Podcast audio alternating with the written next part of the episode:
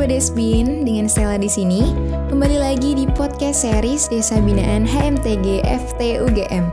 Jika kemarin nih kita udah ngomongin tentang awal mula pembentukan Desa Binaan itu sendiri, maka pada series kali ini kita akan membahas tentang salah satu UMKM yang ada di Desa Kebon, yakni UMKM Batik. Nah, sama seperti sebelumnya nih, kalau aku bilang Desa Binaan HMTG FTUGM, jawabnya dengan dari Bayat untuk Indonesia. Kita coba ya. Desa Binaan HMTG FT UGM dari Bayat untuk Indonesia. Nah, Sobat Desbin, di sini sudah hadir bersama saya Ibu Sri Windarti. Beliau yang akan menemani kita dalam perbincangan mengenai topik pada hari ini.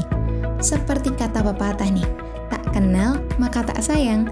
Jadi biar sayang, maka langsung aja kita berikan kesempatan kepada Ibu Sri untuk memperkenalkan dirinya. Ya, selamat sore, nama saya Bu Sri Windarti.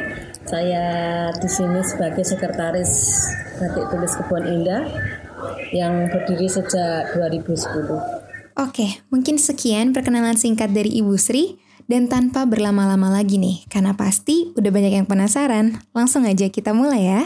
Nah, jadi yang seperti kita udah ketahui, batik itu sudah merupakan bagian dari kebudayaan bangsa Indonesia. Terdapat banyak sekali jenis batik dengan segala keanekaragamannya. Kalau boleh tahu nih Bu, sebenarnya apa sih yang menjadi keistimewaan atau ciri khas dari batik di sini yang membedakannya dengan batik-batik di luar sana? Ya keistimewaan di sini tuh karena kita hidup di desa kebon sesuai dengan namanya jadi motif-motifnya itu sesuai dengan motif-motif atau aktivitas yang ada di kebun. Selain membuat uh, batik bermotif aktivitas desa kebun atau yang ada di kebun kita, kita juga tetap membuat batik klasik atau batik yang sudah turun temurun biar tidak dipunah oleh. Okay.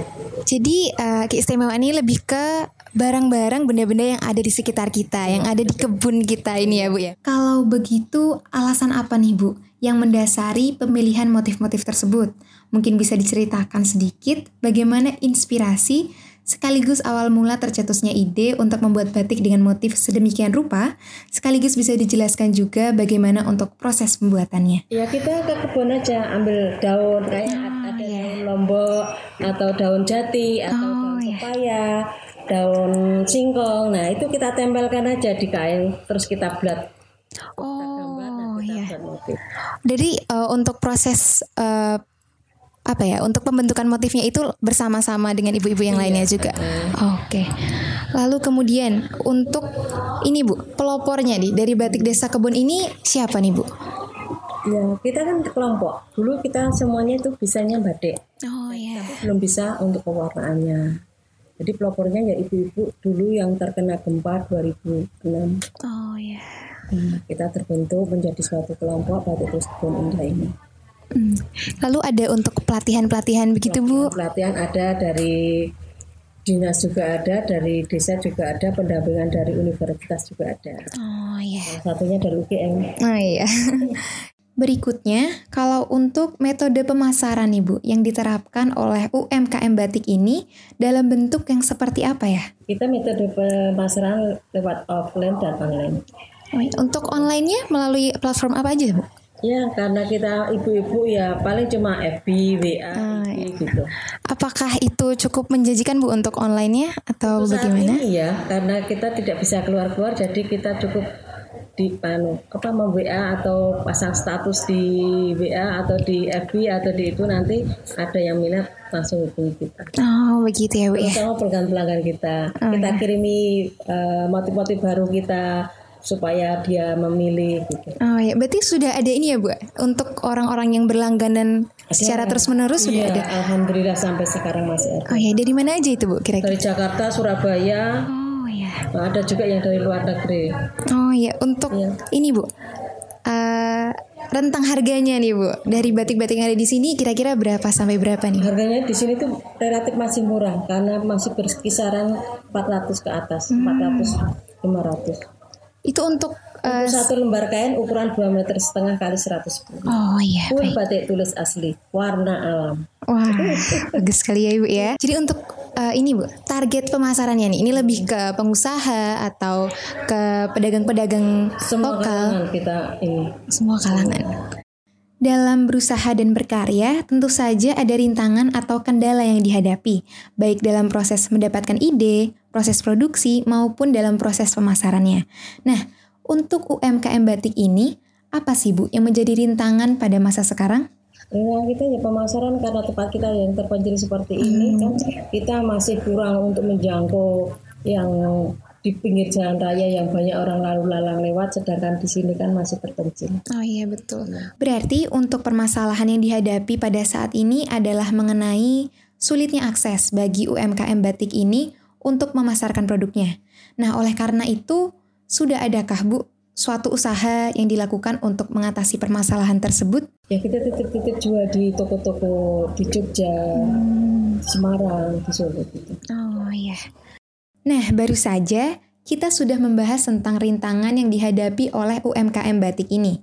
Berikutnya saya ingin bertanya nih Bu, kalau dari Ibu Sri pribadi, apa sih rencana dan harapan ke depannya untuk UMKM batik ini? Ya rencananya kita bisa apa ya memiliki toko di daerah yang strategis untuk pemasarannya ke depannya kita tetap maju untuk anggotanya biar sejahtera. Amin, semoga Dan bisa. tetap lestari sampai. Betul sekali amin. Semoga bisa tercapai untuk rencana dan harapannya. Kemudian, adakah sedikit pesan yang ingin Ibu Sri sampaikan untuk generasi-generasi muda zaman sekarang nih Bu, terkait budaya batik yang kita miliki? Mungkin seperti upaya-upaya yang harus dilakukan guna melestarikan budaya batik milik kita ini. Iya, saya sangat berharap agar generasi muda mencintai dan menekuni batik, agar batik tetap menjadi miliknya Indonesia. Karena kalau batik yang sudah menjadi miliknya Indonesia, menjadi terus-menerus terlestarikan Iya, batiknya. betul sekali. Itu ya Desminers. Jadi uh, batik ini sangat penting nih. Masa ibu-ibu yang ada di sini mau melestarikan batik, kita yang generasi muda yang masih kuat, yang masih punya banyak ide, nggak mau sih pakai batik. Jadi gini nih Bu, supaya teman-teman di rumah nih mau pakai batik, boleh nih Bu. Ibu promosikan sedikit tentang batik desa kebon, gimana cara belinya, di mana kita bisa menemukan uh, platform yang menjual batik desa kebon ini. Silakan Bu. Kalau pengen membeli batik ya batik kebun indah. Terus kalau mau menghubungnya lewat IG atau FB juga bisa. FB-nya eh, emailnya batik terus kebun indah at gmail.com.